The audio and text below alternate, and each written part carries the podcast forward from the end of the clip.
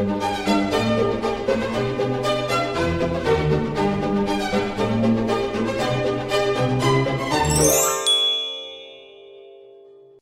och välkomna till Kungligt med Jenny Alexandersson. och Sara Eriksson.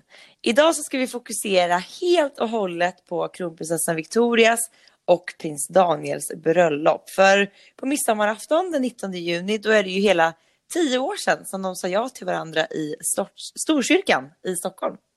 Ja, och det här bröllopet det, det blev ju verkligen decenniets största kärleksfest. Och jag har svårt att förstå att det är faktiskt tio år sedan den här soliga, varma junidagen. Hela Stockholm var ju full av glada människor. Över en halv miljon människor hade samlats kring slottet och Kortersvägen. Och stan var ju sådär fantastiskt grönskande, vacker. Överallt var det flaggor, blomsterdekorationer och bilder på paret. Och jag satt inne i kyrkan för att bevaka vigseln för Aftonbladet och jag minns varenda minut där inne. Det doftade varmt trä från bänkarna, dammet svävade i solskenet sådär som det kan göra. Och kyrkan var smockfull av vänner, släktingar och kungligheter från hela världen. Det frasade av sidenklänningar bland bänkarna och det gnistrade av vackra diadem och juveler. Ja, men det var ju verkligen en fantastisk dag och det, det osade ju kärlek i hela, i hela Stockholm. Inte bara från, från brudparet utan det var en väldigt, väldigt fin stämning. Eh, och det var också så fantastiskt fint sommarväder. Och eh, jag kanske kan säga att jag minns allra mest den här verkligen uppenbara och kanske också omätbara kärleken mellan just Daniel och Victoria och den här lyckan man såg i deras ögon. Det var, alltså det slår faktiskt det mesta. Och eh, ja, men alla de här fina små ögonblicken som vi nu ska ägna hela den här podden åt att prata om. Ja, men verkligen. Det var så fint. Men eh, vi kommer Vi till mer ner av till det här. Mm. vi får liksom ta det från början på något sätt. Vi tar det från början. Ja. Och Victoria hon kom ju hem till Sverige igen år 2000. Då hade hon tillbringat två år i USA. Eh, Hon pluggade vid Yale University, men hon var ju också där för att få professionell hjälp med sina ätstörningar. Och de där två åren, de gjorde verkligen henne gott. För att hon var över den här värsta krisen, hon hade fått lugn och ro och verkligen läkt i själen. Och hon hade bott då hos kungaparets goda vänner, den svenska familjen Kam, som bor i Stanford, norr om New York. Och Annika Kam, hon är nutritionist och hon har ju då stor erfarenhet av ätstörningar. Mm. Och mm, det var ju väldigt tur då för Victoria att hon fick det här breaket från Sverige och från den här pressen som fanns där hemma och verkligen kunna åka till USA och få det här andrummet som hon, hon behövde. Eh, och där ska ju allting ha vänt och hon mådde bättre. Och sen då väl tillbaka hemma i Stockholm så var det ju som att alla bitar egentligen föll på plats. Och det är mycket tack vare en alldeles speciell person som då hette Daniel Westling. Han, han hade ju då tagit över en gymverksamhet på Regeringsgatan, tror jag det var. Eh, tillsammans med en vän och en kollega. Eh, Master Training hette det. Och eh, det var liksom ett exklusivt och dyrt gym. Och eh, ja men så här, dit man som kronprinsessa då kan gå och få ändå träna i fred och liksom privat. Trots att det är ett, ett gym där även andra människor går. Och eh, ja, men blandat då med miljardärer och kungligheter och näringslivstoppar som också tränar där i avskildhet och eh, liksom under stor diskretion. Ja, och Daniel han blev ju Victorias personliga tränare, men också nära vän. Och det har de ju berättat, både vid förlovningen och vid senare tillfälle, att det var vänskap först. Men kärlek växte fram. Och det ska ha varit Victoria som tog det här första initiativet till att de skulle träffas utanför gymmet. Och de blev ett par. Ja men där kan man ju ändå tänka att man, man kan ju förstå situationen. Säg att Daniel ändå kände att så här, han ville väldigt gärna träffa henne utanför gymmet. Men att då försöka behålla den här professionella rollen som personlig tränare till Sveriges kronprinsessa. Det är nog inte så lätt då att ta ett steg att våga bjuda ut henne. Utan Nej. det var nog ganska givet att det var Victoria som fick ta det initiativet. Liksom. Absolut. Ja. Men sen fick de ju vänta ganska länge, eller hur? Ja men sju år va? Tills liksom från det att de blev ett par till att de då förlovade sig. Eh, och sju år är lång tid, så är det ju. Eh, men det tog, det tog sin tid och det var mycket som skulle klaffa innan det liksom, de kände att det var lägligt att, att genomföra det här. Men man kommer väldigt väl ihåg när liksom hovet bjöd in till det här pressmötet på Kungliga slottet. Och där och då så såg man verkligen hur ja, men förälskade och hur sammansvetsade de var redan då. Mm, det håller jag med om.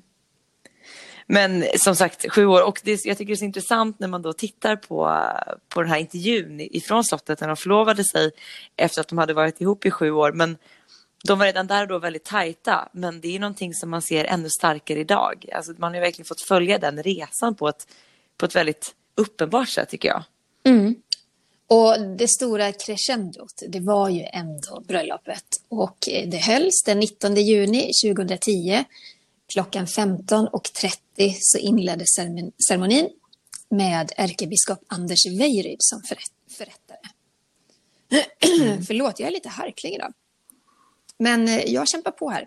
Du kämpar på. Vi kämpar ja. på på varsitt håll. Du ja, men berätta. Du har haft en kamp i morse här. Vi tar en ja. paus i vår fina berättelse. Du måste berätta. Ja, men alltså, det är så här, vi, vi fortsätter ju spela in Kungligt på distans. Det är därför ni får lite överseende med ljud och så vidare. Men det är ju inte helt lätt att få ihop det här med distans. Det ska vara distansering till andra människor. Det ska spelas in podd på distans.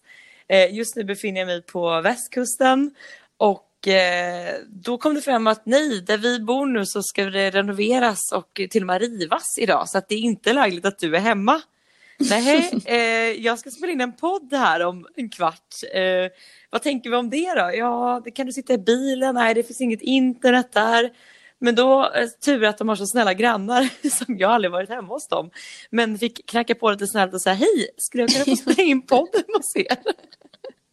Ja, Snälla det går bra. Grannar. Vi ska ändå åka iväg så att just nu sitter jag eh, hemma hos grannarna. Jag har aldrig besökt dem tidigare men de har väldigt fint hemma och jag sitter här och spelar in veckans podd hos dem. Så det bugar och bockar jag för att jag fick göra. Väldigt snällt, så det löser sig. Så att jag mm. sitter här i ett för mig okänt hem och du får harkla på hemma Jag harklar så... på. Jag har precis eh, stängt dörren efter familjen som har lämnat. Eh, men det där var en parentes, för nu tar vi avstamp i det kungliga bröllopet 19 juni 2010. Hur var det Jenny? Du var ju liksom på plats. Ja, jag minns hur förväntansfulla alla var. Eh, brudparet garanterat, men även alla gäster. Det var ju 1200 gäster som hade samlats i eh, Storkyrkan. Och det var varmt. Folk satt och viftade med sina programblad som solfjädrar. Och det allra ja. finaste ögonblicket, det var ju när Victoria klev in genom dörrarna. Då göd en pampig fanfar. Där stod kronprinsessan med sin pappa bredvid sig och brudnäbbarna framför sig. Och hennes eh, kammarjungfru, stylist, rättade till släpet och drog lite i klänningen innan hon ställde sig vid sidan av och det var dags för Victoria att kliva in. Mm. Och då var det som om, som om alla faktiskt höll andan lite grann. Ja. Och man ja, det var ju ett väldigt stort, alltså förstår du förväntningarna? Där ja, men verkligen. Alla. Ja. Och det var, ju, det var ju kungligheter från hela världen som satt i bänkarna. Och sen all, all, alla släktingar, alla vänner, alla diplomater och representanter från riksdag och regering. Så det var smockfullt. Och jag tänker på de här tio små brudnäbbarna som eh, var väldigt duktiga, men det var nog väldigt nervöst för dem också. Och bland dem så fanns ju kronprinsessans gudbarn, prinsessan Ingrid Alexandra av Norge prins Christian av Danmark och prinsessan Katarina Amalia av Nederländerna. De var jättesöta. Ja, de bar ju så här fina pärlvita eh, långklänningar i och sen pojkarna sån sjömanskostym. Det var ju väldigt, väldigt flott. Men jag kommer ihåg precis när de ska gå in i kyrkan och som du sa Tina rättade till säpet på kronprinsessan precis innan. Och liksom, man ser liksom så spänningarna. Då började jag tro att det var Katarina Amalia som började vifta så här, eller hon var väl nervös då, lilla tjejen, med sin brudbukett så här, fram och tillbaka, kastar den lite så här. Så ser man hur kronprinsessan lite försiktigt så här, lägger handen på hennes axel och så här, nu, nu fokuserar vi, nu ska vi snart gå in. Eh, men kronprinsessan var ju helt fantastiskt vacker och eh, kungen ledde ju fram henne då till koret där Daniel väntade tillsammans med prins Carl Philip som då ja, med sällskap och stöd. Och det var ju väldigt fint. Eh, man såg både på, på Daniel och Carl Philip att de liksom sammanbitna med väldigt, väldigt mycket känslor. Och eh, kronprinsessan hon, hon log ju och kysste Daniels hand innan de sida vid sida vandrade den här sista biten fram till altaret. Och eh, det var ju en väldigt fin lösning det här på ett problem som faktiskt bubblat upp strax före vigseln. För att eh, kronprinsessan hon ville ju bli ledd fram till altaret av sin pappa. Men det var väldigt många som kritiserade det här beslutet och menade att det är liksom en förlegad tradition om att en kvinna liksom ska bli överlämnad till sin man. Eh, och en del ser det här lite som att man då överlämnar någon form av ägodel. Men eh, det är ju en tradition. Liksom. Jag tror inte att kronprinsessan la så mycket vikt i, i det, alltså i de, det tänket, utan mer att det är fint att bli ledd fram av sin pappa. Och eh, ja, men då löser de det ju fint genom att då gå halva vägen med pappa och sen halva vägen med sin blivande man. Mm, jag tycker det var, det var en bra lösning. Man kan, mm. inte, man kan inte tillfredsställa alla, och, eh, men det är klart att hon är symbol för Sverige och det måste hon också väga in. Då kanske ja. det var en bra lösning att göra så här. Om man tittar sen då på både prinsessan Madeleine och prinsessan eh, Carl Philip, eller prinsessan Carl Philip, prins, eh, prins Carl Philip och prinsessan Sofias bröllop så är ju de gjort likadant faktiskt. Mm. Mm. Och det här var ju en historisk vigsel, för det var första gången som en svensk kvinnlig tronföljare gifte sig och därtill med en man av folket. Så Daniel gick in i kyrkan som en västling och han kom ut som prins, hertig och riddare, riddare av Serafimerorden. Mm. Och uppe på läktaren satt parets närmaste vänner från Stockholm, Ockelbo och världen. Och jag hade fått en plats precis bakom dem. Och det var, alltså det var verkligen en kompakt tystnad när paret sa ja till varandra. Men så kom tårarna och många av hennes vänner de grät ju helt öppet. Och det var väldigt fint. Då hade jag svårt att hålla tillbaka tårarna också, just för att jag visste ju att de kände till hela parets historia. Hur länge de hade fått vänta på den här dagen. Så det var, mm. det var fint. Ja, men från liksom att de träffades till själva bröllopet så var det ändå nio år. Det är en väldigt lång väntan där de också i början då fick vara väldigt hemliga med sin kärlek och helt plötsligt får de stå där och och gifta sig liksom inför hela världen. Det måste mm. vara så otroligt alltså. Och vi såg ju, det var ju väldigt känslosamt. Vi såg ju Daniel torka tårar då och då under ceremonin och eh, Victoria också då, även om hon var kanske lite mer samlad. Men man såg ju det här liksom, hon hade ändå tårar i ögonen och hon torkade bort Daniels tårar med handen och så här. Så att, ja men det var verkligen, det strålade av glädje och kärlek och det var som om hon och Daniel liksom lyckats skapa ett personligt rum där bara de två fanns trots att det var liksom en ja, men oerhört officiell och pampig ceremoni. Men det var verkligen den känslan man fick. Vad är ditt allra tydligaste minne från den här ceremonin i kyrkan, Sara? Jag skulle säga dels, det låter lite så här cheesy, men det är liksom känslorna som man tänker först och främst. För att det var, det var ett kungligt bröllop som oftast kan bli ganska så här stift och kanske lite så fokus på traditioner och lite den här konservativa delen i det hela. Men det här bröllopet är liksom, det banade väg för någonting helt nytt där kungligheterna liksom också var så mycket människor. Det här med att gråta öppet och man verkligen, det gnistrade liksom mellan dem. Man såg verkligen hur lyckliga de var över att äntligen få gifta sig. Och sen självklart alla andra saker som så här, men bara blomsterarrangemanget var ju liksom helt otroligt. Och så här, jag som är, det låter ju, mina kompisar skrattar lite åt mig när jag säger att jag har så här favoritsalmer. men man har ju det. Och det var ju den här eh, sommarsalmen då, En vänlig grönska rika dräkt. direkt. Det var bara så mäktigt när alla sjöng den. Mm i kyrkan. Och sen också då att tyckte det var väldigt fint och att kronprinsessan valde att vägra, bära de här vackra kaméerna på bröllopsdagen. Ja men verkligen. Och det är något speciellt med det här diademet, eller hur? Ja men det är så kul. Vi fick ju faktiskt reda på det nu i år i samband med den här SVT-serie Kungliga smycken.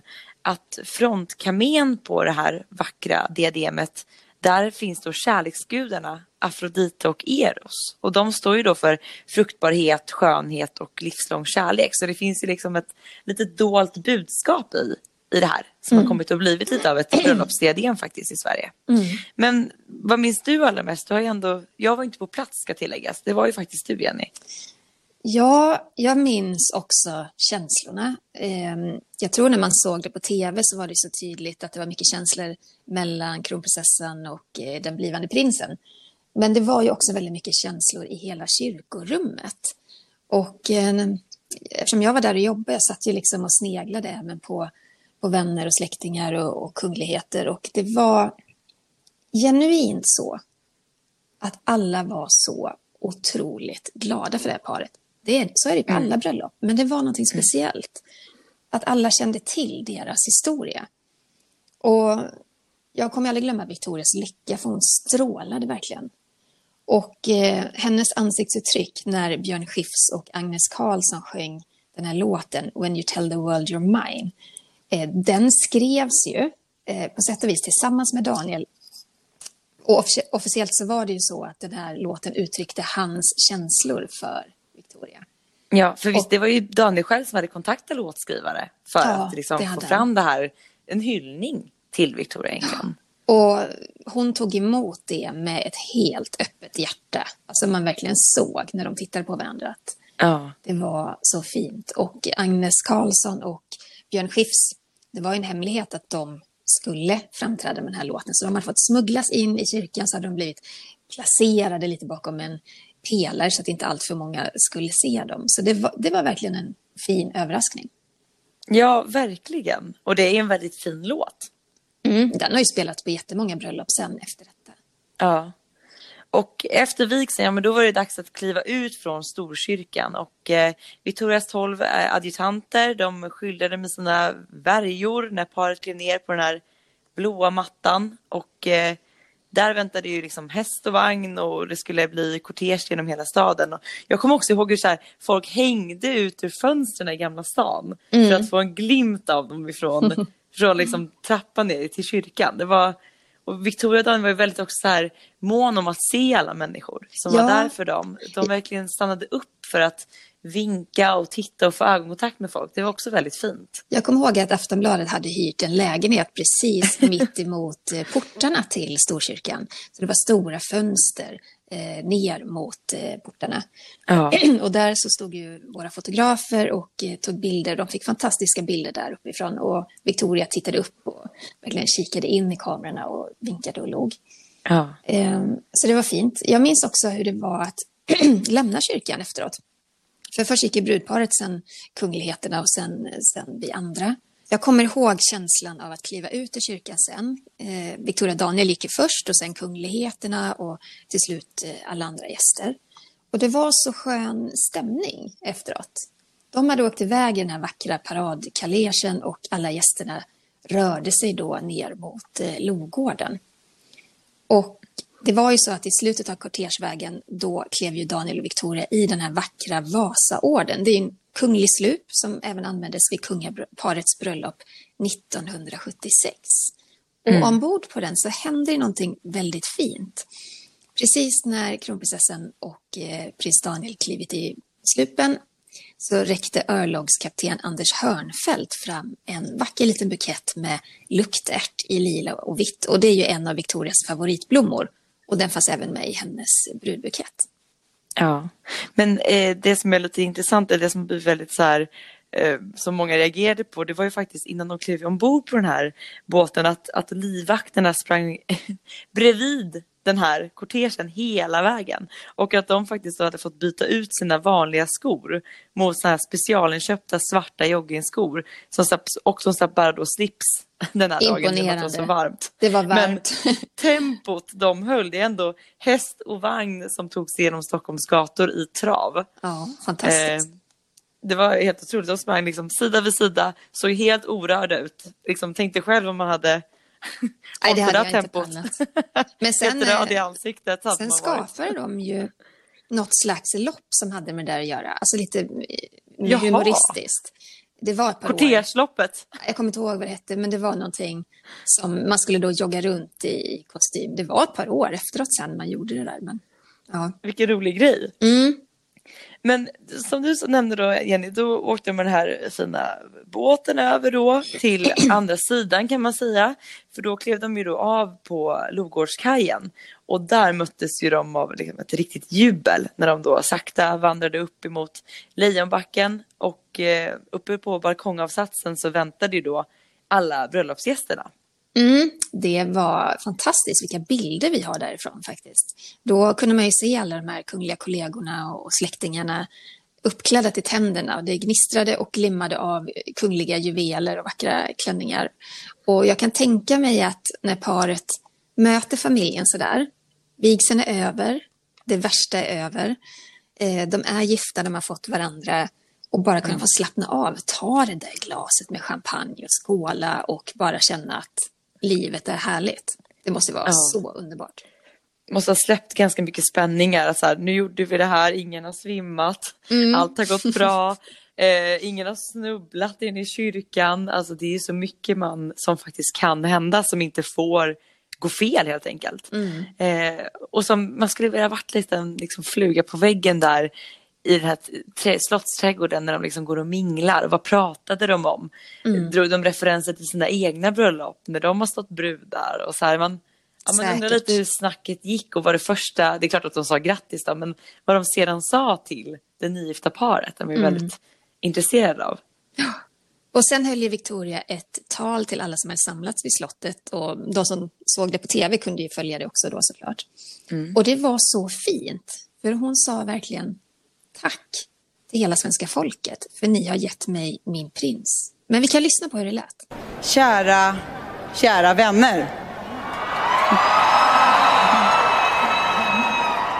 Jag vill börja med att tacka svenska folket för att ni har gett mig min prins. Mm. Vi, min make och jag Oj. är så otroligt glada och väldigt tacksamma för att så många vill vara här och fira tillsammans med oss. Ja, men det är ju ett, ett tal som också blir väldigt uppskattat av folket för att här sträcker ju verkligen kronprinsessan ut en hand och liksom tacka för allas förståelse och all kärlek som de har mötts av på den här nio år långa resan ihop. Mm. Och sen var det dags för bröllopsmiddag och den hölls ju i den pampiga rikssalen på Stockholms slott.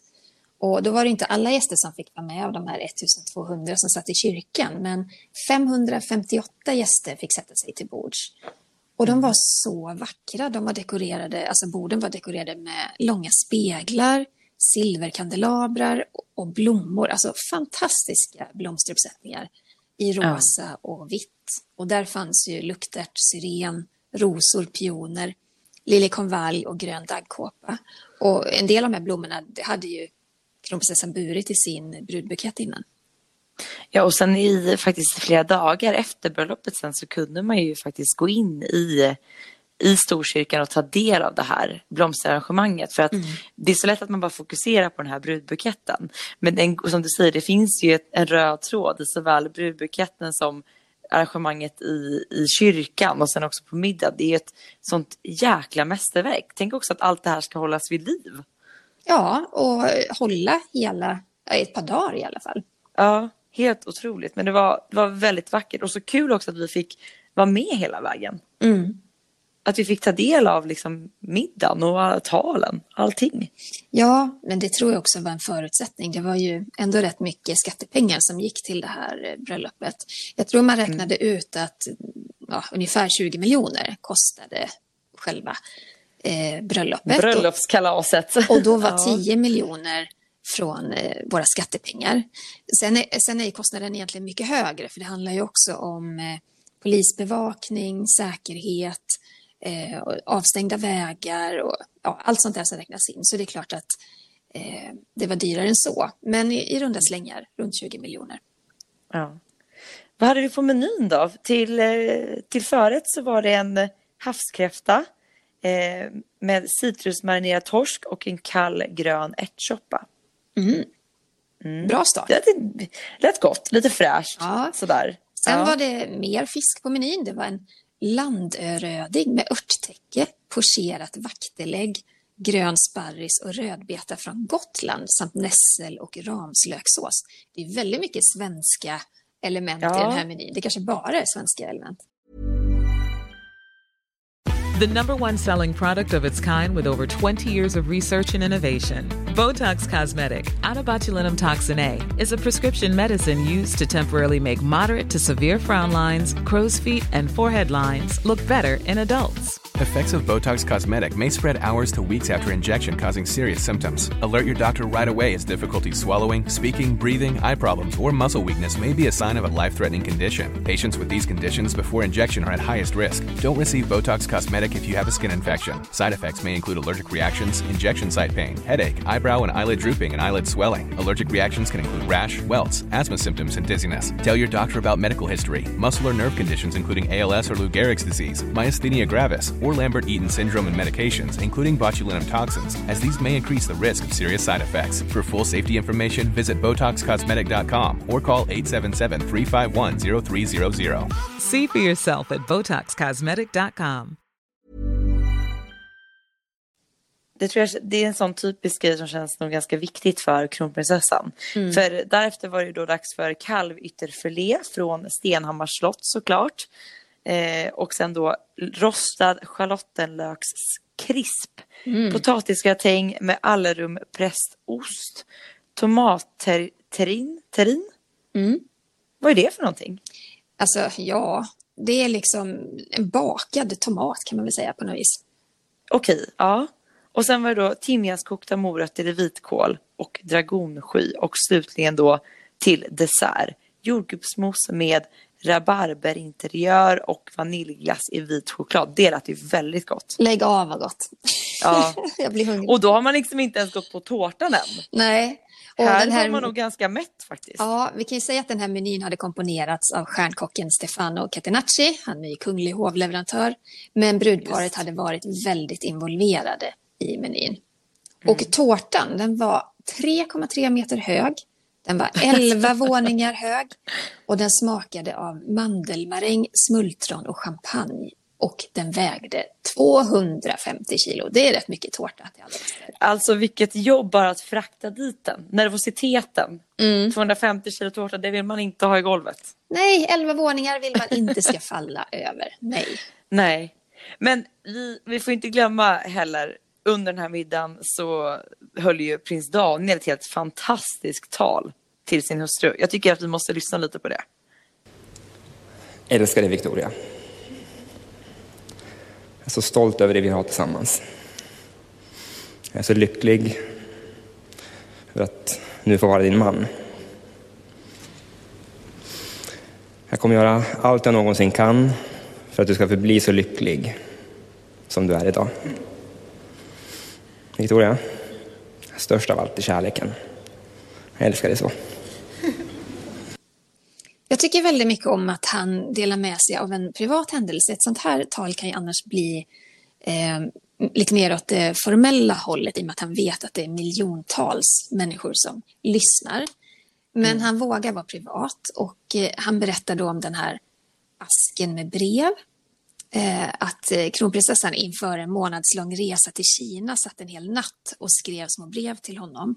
Istället för att eh, sova eller återhämta sig eller planera resan så gjorde hon det. Och det var ett brev för varje dag som de skulle vara ifrån varandra. Och det tycker jag är väldigt fint. Alltså jag minns den här resan till Kina för jag var ju med kronprinsessan en del av den resan. Och ehm, jag, ställ, jag vet att jag ställer frågor, jag vet andra reportrar som var med ställde frågor om Daniel. Men hon ville inte prata om honom, inte då. Men det var ju också så att varje gång hans namn kom på tal så kunde man ju se den här glimten i ögat och, och leendet. Så att hon hade nog gärna velat säga någonting men kände att hon inte riktigt kunde det än. Nej, men det kan man ju förstå. Ja. Vad tycker Men- du var det finaste där med talet? Nej, men först och främst tycker jag man måste liksom eh, reflektera över att Daniel höll ett över sex minuter långt tal på både engelska och på svenska. Och han gjorde det helt utan manus eller stödord. Eh, det tycker jag är väldigt, väldigt bra gjort. Eh, och lägg då till den här nervositeten, att man vet hur många som ser det här talet. Så att det tycker jag var väldigt starkt av honom. Eh, men det finaste med talet, det är ju då det här största av allt är kärleken. Och det har ju kommit att bli så här bevingade ord. Någonting som verkligen har följt med Daniel. Och sen får man också säga att mycket av det han, han sa i sitt tal, det är också sånt som han verkligen har levt upp till. Eh, han pratar ju mycket om att han har lovat att vara ett stöd för, för sin hustru, så att hon ska förbli så lycklig som hon någonsin kan bli och att han vill stödja henne i, i arbetet och så vidare. Och det är någonting som kronprinsessan själv ofta återkommer till, att hon får ett väldigt bra stöd av Daniel, att de hjälper varandra mycket i sitt, sitt kungliga arbete. Mm. Det var ju inte bara Victoria Daniels bröllopsdag den här dagen. Eh, det var även kungen och drottningens. Så kvart i nio på kvällen så stal kungen en rosa ros från bordet. Och så reste han sig upp och så kysste han drottningens hand och sa att jag tackar dig varmt för det stöd och den kärlek du visat mig ännu ett år. Och det var ju otroligt romantiskt. Man tror ju inte att kungen har den här romantiska sidan, men Nej. uppenbarligen har han det. Men så vände han sig också till sin dotter och så sa han så här, citat. Du är min älskade dotter. Ingen ska tro annat än att min högsta önskan varit och är att se dig glad och lycklig. Slut citat. Och då tror jag att många blev väldigt, väldigt rörda. För att det har ju också hamnat väldigt mycket på kungens axlar, att det är han som har bromsat och fått dem att vänta så väldigt länge på förlovning och bröllop. Men här gjorde han ju mm. klart att han har hela tiden haft sin dotters bästa för ögonen och vill se henne glad och lycklig. Mm. Och där kan man också tänka sig att kungen vet ju vad han pratar om i och med att han och Silvia också liksom hade liksom, eh, kanske inte den rättaste vägen att gå. Det var många som hade mycket åsikter och så vidare mm. eh, i början. Så att han vet ju verkligen, han förstår nog sin dotters situation väldigt väl. Det tror jag också. Och mm. sen så hörde vi också Daniels pappa Olle Westling hålla ett fint tal och han överraskade verkligen. Man vet ju inte så jättemycket om honom. De har ju hållit en väldigt låg profil, både Olle och Eva Westling. Men uppenbarligen så är han en riktigt bra talare. Och han nämnde ja. bland annat det här sagolika i att mannen av folket gifte sig med Sveriges blivande drottning. Ja. Ja, men han, det var ett väldigt personligt tal och som du säger, väldigt, han var väldigt duktig på att tala. Och jag tyckte också det var fint där att han, han blandade in det här, dels den kungliga sidan men också den här väldigt privata som att han, han nämnde liksom hur de har varit ute och plockat blåbär ihop med kronprinsessan. Alltså det var väldigt från liksom det innersta, mest privata kanske, familjetid i skogen till att prata mm. om Sveriges framtida drottning. Eh, det, det var visar ju bara att hon, har, att hon har båda de här sidorna. Eh, ja. Och gentemot familjen speciellt så är hon ju verkligen en kombination av kronprinsessa och den privata Victoria. Ja. Men när tv-kamerorna sedan stängdes av, då får man väl ändå säga att liksom festen tog vid på allvar va? Verkligen. Vi fick ju se den här obligatoriska bröllopsvalsen. Eh, men det var egentligen efter det sen som festen kom igång. Eh, då visste kanske också pussa ut lite när alla gäster och kungligheter visste att nu är kamerorna släckta. Nu kan vi festa på och fira kärleken. Ja, och kronprinsessan hon hakade av det här långa släpet från midjan och så dansade hon ut till låten Fly Me To The Moon av Bart Howard. Och vi, vi, vet ju lite grann om den här privata delen av festen. Vi vet ju att strax efter klockan ett på natten då klev Carola upp på scenen och sjöng Evighet. Och det är lite mm. speciellt att hon gjorde det därför att vi vet ju också att prins Daniel fick spela in en, eh, den här låten med henne på sin svensexa. Så ja, det. säcken knöts ihop på ett snyggt sätt. Och lite senare så spelade ju också Roxette och då jublade alla gäster. Och kanske allra mest Victoria, för hon älskar ju deras musik. Ja. Brudparet lämnade ju sen festen fram på småtimmarna och eh, de smet ju faktiskt iväg utan att ta adjö av gästerna och lämnade då slottet i en bil som for igenom de här kulvertarna som finns under slottet. För då var ju de faktiskt redan på väg till sin bröllopsresa. Mm. Och jag vet att det stod jättemycket fotografer runt slottet och väntade på att få ta bilder på paret när de lämnade festen. Men de lyckades ju faktiskt ta sig osedda ut och det är ju det är spännande med de här underjordiska gångarna. Och att, ja, verkligen. Att, att, man också, de finns över hela Gamla stan. Och att man också kan av dem då köra med bil. Så det var, det var snyggt. Tacksamt för dem, ja. för då kunde de smita iväg utan att någon såg dem. Verkligen. Och sen ja. kunde man ju också se det berätta fotografer som stod kvar då hela morgonen att på morgonkvisten då, då var det en hovanställd som fick inspektera de här pampiga kristallkronorna under Vita havet för att folk hade dansat så himla häftigt att man ville vara säker på att allt hade hållit och utan kras. Jag tror till och med att det här stod i den här vackra bröllopsboken som eh, gavs ut sen eh, lite senare. Den har jag hemma. Mm. Den är fin. den är väldigt fin. Men det firades ju även väldigt stort. Det var ju en stor kärleksfest givetvis i Stockholm utanför slottet och så vidare och så vidare. Och sen på lite olika ställen i, i Sverige, men framförallt i Ockelbo såklart. De hade ju byggt en hel festplats i byn där, över, jag tror det var 7000 människor mm. hade samlats för att liksom ta del av den här vigseln på storbildsskärm. De drack liksom champagne och skålade och kommunstyrelsens ordförande var där och utbringade ett levande och det är väldigt svårt att tänka sig det idag också i dessa coronatider att man får samlas så många människor för att hylla kärleken. Men helt fantastiskt, vilken stämning det måste ha varit. Ja, men det måste det ha varit. En riktig folkfest och också roligt tycker jag för ja, alla Ockelbobor att de fick ett sånt här stort eh, firande. Och kanske, kanske en del hade tagit sig till Stockholm, men, men många var säkert kvar i Ockelbo. Det, jag har ju varit i Ockelbo flera gånger och min bestämda känsla av folket där, nu, nu generaliserar jag ju ordentligt, men... Det får man göra ibland. Ja, bland de jag träffat är att de är extremt måna om Victoria Daniel. Ehm, det har ju liksom blivit en liten frizon för paret där. Och det är många som har sagt det till mig när jag varit här på besök, att nej men vi vill att Victoria Daniel ska känna sig som hemma och kunna leva ostört. Och så är det verkligen.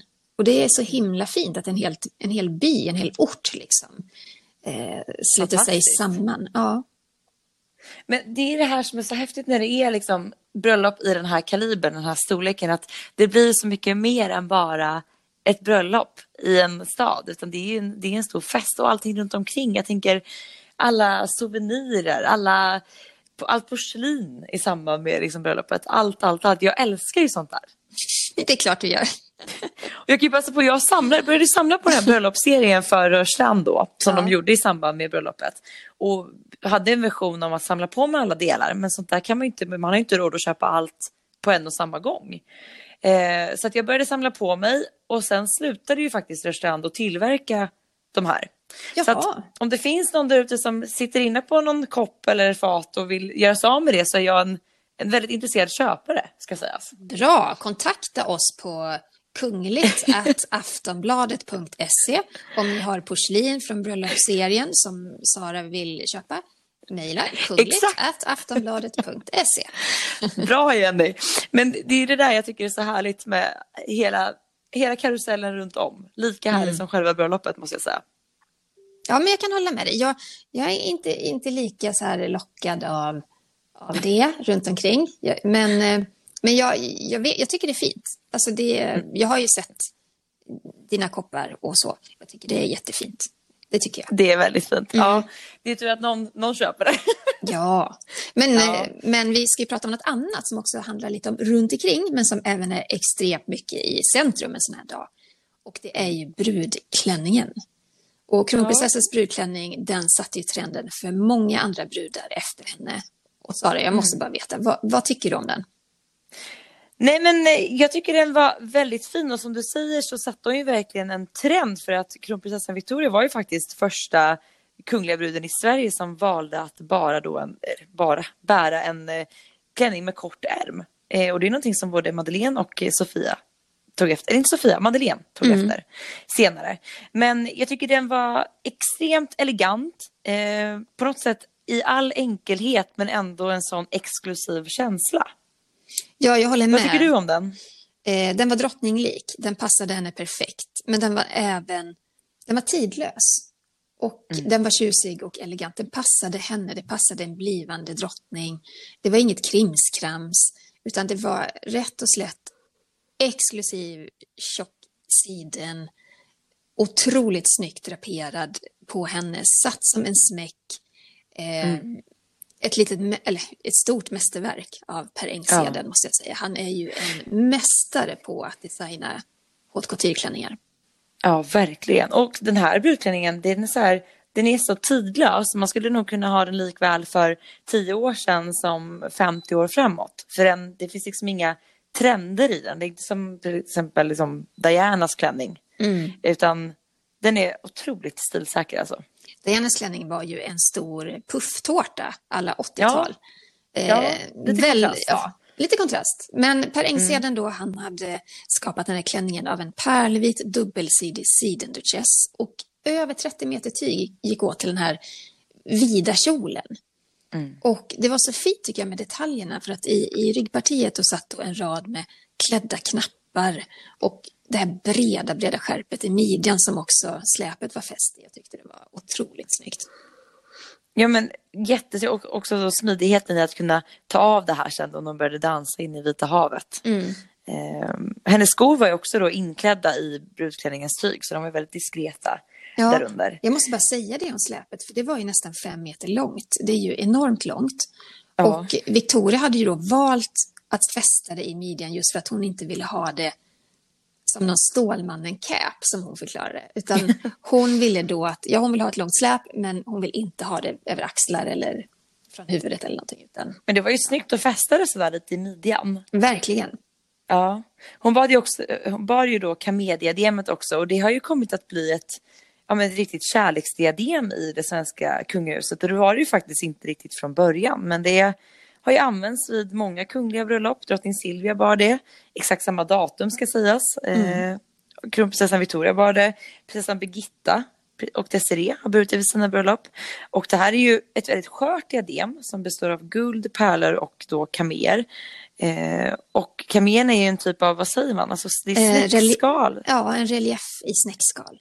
Som man liksom slipar fram de här vackra kaméporträtten. Eh, och det är ett riktigt, riktigt mästerverk som tar tydligen extremt lång tid att få fram. Och det är ett gammalt diadem, det tillverkades 1809 av den franska ju, eh, juvelerfirman eh, Nitot för då Frankrikes kejsarinna Josefin som en, fick då det som en gåva av maken, kejsar Napoleon. Och eh, som sagt, som vi pratade om tidigare, så bär ju det här diademet på många dolda budskap i och med att varje kamé bär ju på en egen liten historia. Det är så fint. Ja, och det ingår ju då även i ett helt garnityr tillsammans med då halsband, två armband, örhängen och en brosch. Och jag tycker att det här diademet, det passade kronprinsessan helt perfekt. Och sen bar hon en myrtenkvist eh, längst bak vid kamediademets eh, ändar, alltså det slöt kamediademet bakifrån. Och att ha en myrtenkvist på bröllopet, det är en tradition från kronprinsessan Margareta. Och hon är kronprinsessans farfars mor. Och hon tog med sig den här myrten från Storbritannien. Och det planterades först på Sofieros slott.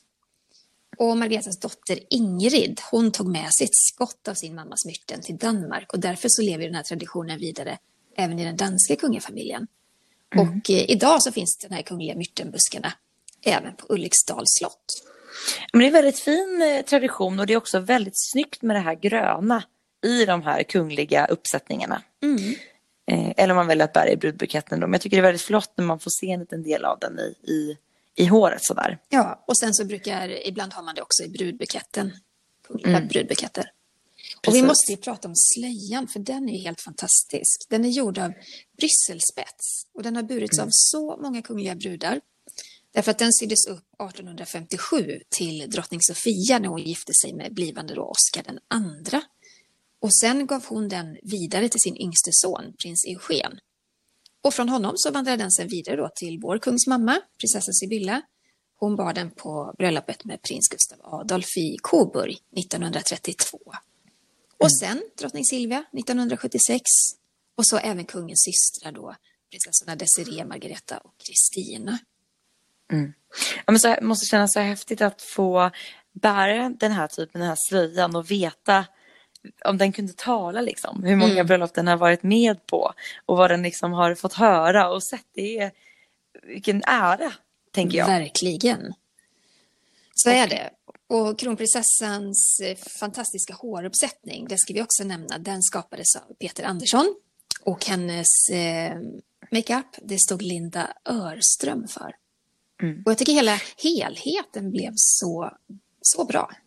Nej men har man någonsin sett en så vacker brud? Vid Nej. ett bröllop? Nej, men det, det- har man nog inte. Nej, men jag tror också mycket handlar om hennes totala lycka och att hon var så öppen med att visa sin kärlek till. Jag tycker nästan hon skulle kunna stått där osminkad och med håret över axlarna och ändå vara precis lika vacker. För att det handlade så mycket om hennes känslor och öppna hjärta tycker jag. Genuina känslor. Mm. Och eh, brudbuketten pratade vi lite om tidigare men den bestod ju liksom av en blandning av traditionella svenska sommarblommor och lite mer exotiska sorter. Eh, kronprinsessan valde ju att endast ha vita blommor i den här droppformade buketten. Eh, liljekonvalj, ros, eh, orkidéer av olika sorter, pion, klematis, rosenstjärna. Ja, men ni hör ju, det var ju väldigt, väldigt många olika blommor. Väldigt Doftankra, luktärt som då du nämnde är en av kronprinsessans favoritblommor. Fänrikshjärta, ja men man kan liksom fortsätta. Det var väldigt, väldigt många blommor och sen då den traditionella myrten då från Sofiero var också med i brudbuketten. Mm, det var fin. Ja. Varför passar Victoria och Daniel så bra ihop egentligen? Jag tror att mycket har att göra med att de, eh, de delar samma värderingar. Alltså de är, det, är, det här är liksom två personer som är ordentligt grundade, står med båda fötterna på jorden. Och jag tror att det är viktigt just det här med att dela det mest, de mest basala värderingarna. Det gör de. De är um, två väldigt så här, moraliska människor. De tycker det är viktigt med rättvisa. Ja, men allt sånt där som gör att man har möjlighet att vara extremt empatisk gentemot andra människor och eh, ha ett öppet sinne. Alltså, jag har ju träffat både Daniel och Victoria och det låter som att jag bara kräks ur klyschor nu. Men, men det handlar om, och jag menar, och jag kan vara väldigt kritisk mot, eh, mot kungligheter, men jag kan också ge dem cred när det är välförtjänt. Och det är det faktiskt i bådas fall. Mm. Och det är inte så att eh, jag och kronprinsessan, vi har ju mötts många gånger i jobbet. Det är inte så att vi alltid eh, varit överens eh, om saker och ting. Men det finns en grundplåt både i henne och i prins Daniel som är ja, av det gamla hederliga, etiska, moraliska, man ska göra det som är rätt och riktigt, man ska ta plikten på allvar. Det är ju en sida. Sen har ju båda två också den här humoristiska, lekfulla, lite håsfria sidan som är så fantastisk. Man får inte alltid mm. se den hela tiden, men jag minns ett möte i Hagaparken, där det är många år sedan, då, då var Estelle ganska liten och låg i vagn och jag kom gående med en nära vän som precis fått barn också.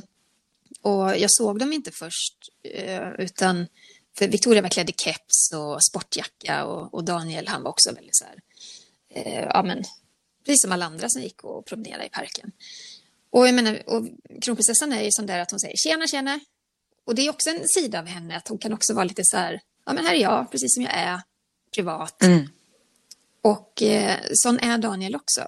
Plus det allra viktigaste, ingen av dem förställer sig, ingen av dem låtsas vara någonting de inte är. De bara är sig själva och sen får folk ta det. Mm. Jag tror det är det som gör att de passar otroligt bra tillsammans. Ja. Ja, men det här, de är väldigt genuina båda två också. Eh, väldigt intresserade av andra människor och att hela tiden lära sig nya saker. Jag tror att de delar det väldigt starkt ihop. Eh, och det här sportintresset är klart att de hittar varandra i också. Mm. Eh, väldigt aktiva människor, eh, båda två. Och jag tycker den här lättsamheten som du pratar om, den kommer fram så tydligt som nu till exempel i samband med nationaldagen när vi fick se dem tillsammans med barnen. Eh, Mm. Det är liksom ändå kameror som ska ut till svenska folket och det är som vilken familj som helst. Ja, men det är ju det. Och, och deras vardagsliv är ju, det är ju helt privat, man får inte se så mycket av det, men när man får glimtar så håller jag helt med dig. Jag tycker att, eh, jag tror att de försöker båda två göra det så normalt och lätt som möjligt för Oscar och Estelle. Ja. Att trots Och- den här kungliga, de kungliga väggarna och slotten och uppdragen och, och allt som ligger på deras axlar så är vardagslivet nog precis som hos vem som helst. Det är fredagsmys och det är popcorn och det är godis på lördagar och Tack och fredag. tacofredag och barnkalas såklart. Ja.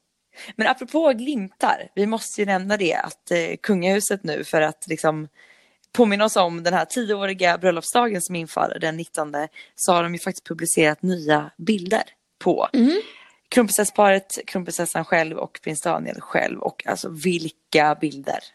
De är väldigt kungliga, de är väldigt romantiska. Eh, ett, ett par av dem går i rosa och ljusa pastelltoner och det är de bilderna när kronprinsessan bär den här klänningen som hon bar på festen innan bröllopet. En rosa Elisab-klänning eh, med långt släp. Och eh, sen är det någon bild som går lite mer mörka toner, lite mer dramatiskt, där man ser dem eh, ett stenkast ifrån Haga slott och hon bär en marinblå eller midnattsblå klänning och han står då i, i frack. Jättesnyggt. Tycker det var väldigt fint också att de har valt att fota i Gustav IIIs paviljong. Eh, och väldigt fint att kronprinsessan har valt att bära prinsessan Sibyllas diadem. Och vi ser henne faktiskt i diadem plus utsläppt hår och det är inte ofta. Nej, det är väldigt sällan. Men jag tror att de kände väldigt stort förtroende också för Elisabeth Toll som är fotografen bakom bilderna.